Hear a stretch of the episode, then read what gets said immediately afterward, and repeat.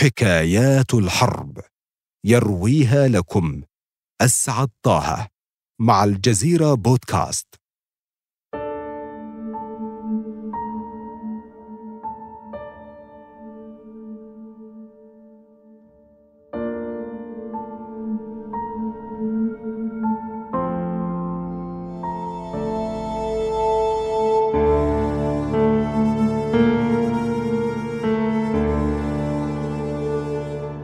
أبطال الميلاد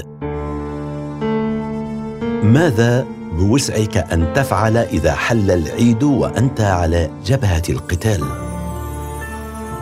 خصمك على بعد أمتار منك لكنه يحمل نفس المعتقد أتحتفل معه أم تبادله النار؟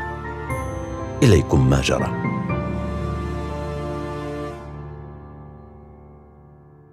كان ذلك عام 1914 والبلقان بمثابة برميل بارود. الصرب يرغبون في وحدة الشعوب السلافية الجنوبية الواقعة تحت سيطرة إمبراطورية النمسا والمجر. فلماذا لا نغتال قياديا منهم فنجبر النمسا على أن تشثو على ركبتها وتستسلم لنا؟ هكذا فكر الصرب وجاءت اللحظة المناسبة. يحل الثامن والعشرون من الشهر السادس. ولي عهد النمسا وزوجته يزوران العاصمة البوسنية سراييفو. يقع خلل في خطة التأمين. فلا يرافق ضباط الشرطة السرية موكب ولي العهد. يتقدم الموكب في شوارع سراييفو ينجح أحدهم في إلقاء قنبلة عليه. القنبلة تصيب سيارة أخرى وينجو ولي العهد. يلقى القبض على الجاني بعد أن أوسعه المارة ضربا. غير أن اليوم السيء لم ينتهي بعد. يذهب ولي العهد بعدها إلى حفلة استقبال. يلقي خطبة قصيرة يشكر فيها المواطنين على تعاونهم في القبض على الجاني. يغادر الحفل. يخطئ السائق التشيكي. وبدلا من أن يتبع مسارا جديدا خطط له تفاديا لهجوم آخر. يعود فيسلك نفس الطريق الذي أتى منه وتعرض الموكب فيه للهجوم. كل الأمور لا تبشر بالخير. الساعة الحادية عشرة والربع. صربي من فرقة الاغتيال يتربص في زاوية ما على الطريق. تظهر سيارة ولي العهد. يطلق الجاني رصاصاته ما إن يراها. هرج ومرج يعمان المكان. لقد قتل ولي عهد النمسا وزوجته. تتصارع الأحداث بشكل جنوني. تعلن النمسا الحرب على صربيا. تتدخل روسيا لتنقذ صربيا. تهرع ألمانيا إلى مساعدة شقيقتها الصغرى النمسا تقرر فرنسا التعبئة العامة ضد ألمانيا. تعلن ألمانيا الحرب على فرنسا.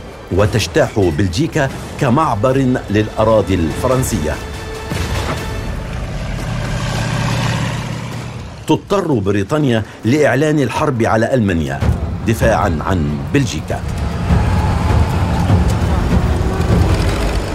وهكذا تبدأ في التاسع من الشهر السابع لعام 1914 حرب الكل ضد الكل. أو ما عرف وقتها بالحرب التي ستنهي كل الحروب.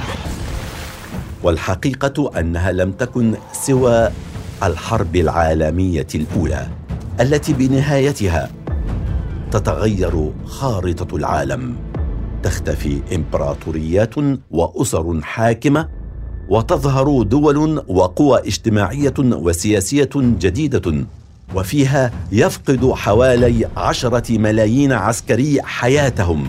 وعدد مماثل من المدنيين فضلا عن خمسين مليون شخص ماتوا بسبب الإنفلونزا الإسبانية التي ساهم في انتشارها حركة الجنود في العالم.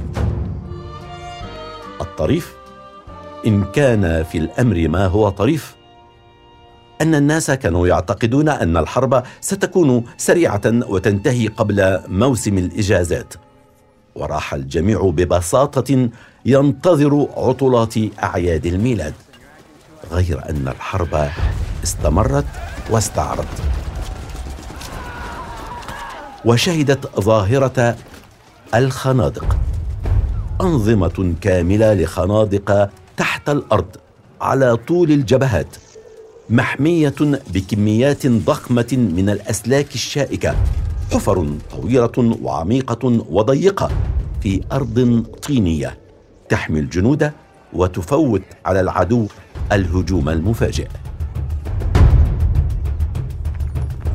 لكن تلك الخنادق تؤذي الجنود كثيرا وهم يقضون بها اياما طويلة. تتفشى بينهم أمراض معدية مثل الكوليرا والتيفود وتنتشر في أقدامهم الأنسجة الميتة بسبب بقائها لفترات طويلة في الأراضي المبتلة مما يؤدي أحيانا إلى بترها. في منطقة من الجبهات المشتعلة هناك سلسلة من خطوط الخنادق الألمانية على جانب. والعديد من خطوط خنادق الحلفاء على الجانب الآخر. بينهما تلك المنطقة المحرمة الفاصلة بين الطرفين. والتي عبورها أشبه برحلة إلى الموت يعود منها المحظوظون فقط. انتبهوا جيدا الآن. في أول الشهر السابع لعام 1916 تندلع معركة السوم بين بريطانيا وفرنسا من جهة وألمانيا من جهة. يشارك فيها حوالي ثلاثة ملايين عسكري من الطرفين. تفقد بريطانيا وحدها في أول يوم ما يقرب من ستين ألف عسكري فيما عرف بأكثر أيام الجيش البريطاني دموية. يحل صباح الرابع والعشرين من الشهر الأخير للعام. اليوم الذي يسبق أعياد الميلاد. السماء صافية على عكس الأيام السابقة. وعلى غير العادة يقطع الصمت أصوات تعلو بالمباركة. تبدو ساخرة إنها من الجنود الألمان على الناحية الأخرى من الخنادق ينطقونها بالإنجليزية بلكنة ألمانية. يحل المساء. يبدأ الجنود الألمان بنصب أشجار عيد الميلاد وتزيينها بالشموع على خنادقهم الملوثة بالوحل والدماء. جندي المدفعية البريطاني بروس بيرنس فاذر الذي أصبح فيما بعد رسام كاريكاتير شهيرا يصف الموقف ويقول كنت هناك في هذا التجويف الطيني الرهيب. أميال وأميال بعيدا عن منزلي. أشعر بالبرد والبلل. ومغطى بالطين. لم يكن هناك أدنى فرصة على ما يبدو للمغادرة إلا بسيارة إسعاف. في هذه الأثناء سمع بروس وزملاؤه البريطانيون الغناء يتصاعد من خنادق الألمان. لم يهتموا إلى أن بدأ الضابط الألماني والمطرب في دار أوبرا برلين والتر كريتشوف في غناء الأغنية الشهيرة.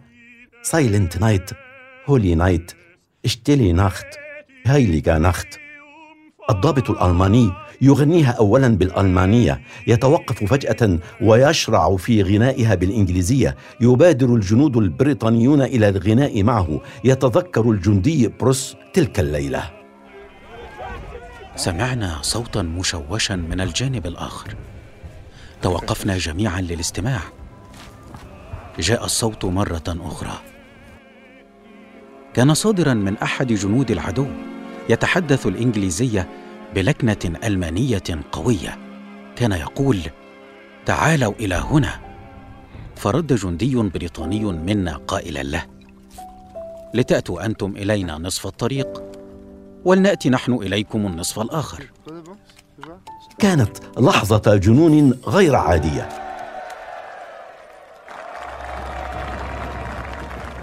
لكنها لحظة إنسانية تماما. يخرج جنود بريطانيون من مخبأهم وهم على حذر. يخرج جنود ألمان من مخبأهم وهم على حذر. يلتقي الطرفان في المنطقة الفاصلة بينهما على استحياء يبدأون في تبادل التحيات. يندمجون تماما في الأحاديث. يمنح الألمان البريطانيين هدايا من الشوكولاتة. ويمنح البريطانيون الألمان هدايا من التبغ والبسكويت. يعود بروس ويقول ها هم جنود الجيش الألماني أنفسهم. لم يكن هناك ذرة من الكراهية على أي من الجانبين. وفي شهادة أخرى يقول جندي المشاه ريدينج صافحتهم. أهدونا بعضا من السيجار الفاخر. لقد كان كل شيء هادئا. أشعر أنه بمثابة حلم. يقول الجندي جون فيرغسون كنا نمزح ونثرثر مع رجال. كنا وهم من ساعات قليلة حريصين على قتل بعضنا البعض.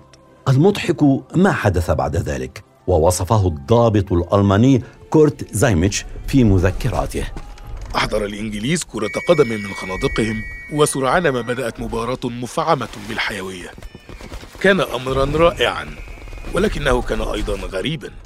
وقد شعر الضباط البريطانيون بنفس الشعور حيال ذلك. في منطقة أخرى من الجبهة يتكرر الأمر. يقول الكابتن إدوارد هولز كنا ننتظر هجوم الألمان في حرب لا تبدو أنها في طريقها إلى النهاية. تملكنا الخوف حينما شاهدنا نيرانا تشتعل في معسكرهم. ظننا أنهم يستعدون لشن هجوم جديد علينا ولكن اكتشفنا أنهم يحتفون بليلة عيد الميلاد ويرددون أغانيها. تحمست للأمر وبدأت أغني نفس الأغاني باللغة الإنجليزية وبصوت عال ويرددها معي جنودنا. تشتد المنافسة في الغناء بين الطرفين الأعداء. فجأة يخرج جنود ألمان إلى المنطقة المحظورة ليلقوا التحية والمباركات على أعدائهم البريطانيين. يأمر العقيد هولز وزملاء له بوقف إطلاق النيران فورا على طول الجبهة ليتمكن الجنود المتحاربون من تبادل التحيات والتمنيات الطيبة لعيد الميلاد كل بلغته. المشهد لا يصدق. الكابتن هولز يمنح وشاحه للضابط الألماني توماس كهدية لعيد الميلاد. يمنحه الضابط الألماني قفازاته في صباح اليوم التالي وفي تمام الثامنة والنصف صباحا يخرج هولز ومساعده لمقابلة أربعة ضباط ألمان غير مسلحين. متمنيا لهم عيد ميلاد سعيد متعهدا أن تستمر الهدنة إلى بداية العام الجديد عام 1915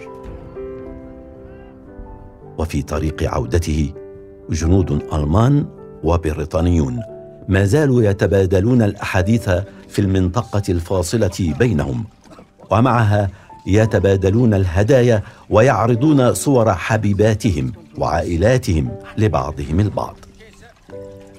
لكن سأخبركم بمفاجأة أخرى. كان هناك من هو غير سعيد بهدنة عيد الميلاد. بل تعرض البعض للقتل في المناطق الفاصلة وهو يحاول أن يرسل التبريكات للطرف الآخر. بل إن هناك من كان ناقما على زملائه لأنهم أتوا بفعل دنس شرفهم العسكري كما يقولون. مثل ذلك المجند الألماني الذي صرخ في زملائه بعد عودتهم من لقاء العدو. مثل تلك الأمور لا يجب أن تحدث في أوقات الحروب. ألا يوجد لديكم بقايا شرف ألماني في دمائكم؟ هل تعرفون من كان هذا الجندي؟ إنه أودولف هتلر. إنه هتلر. وفي ذلك حكاية أخرى. أما هنا تنتهي الحكاية. لكن حكايات الحرب لا تنتهي أبدا. أسعد طه.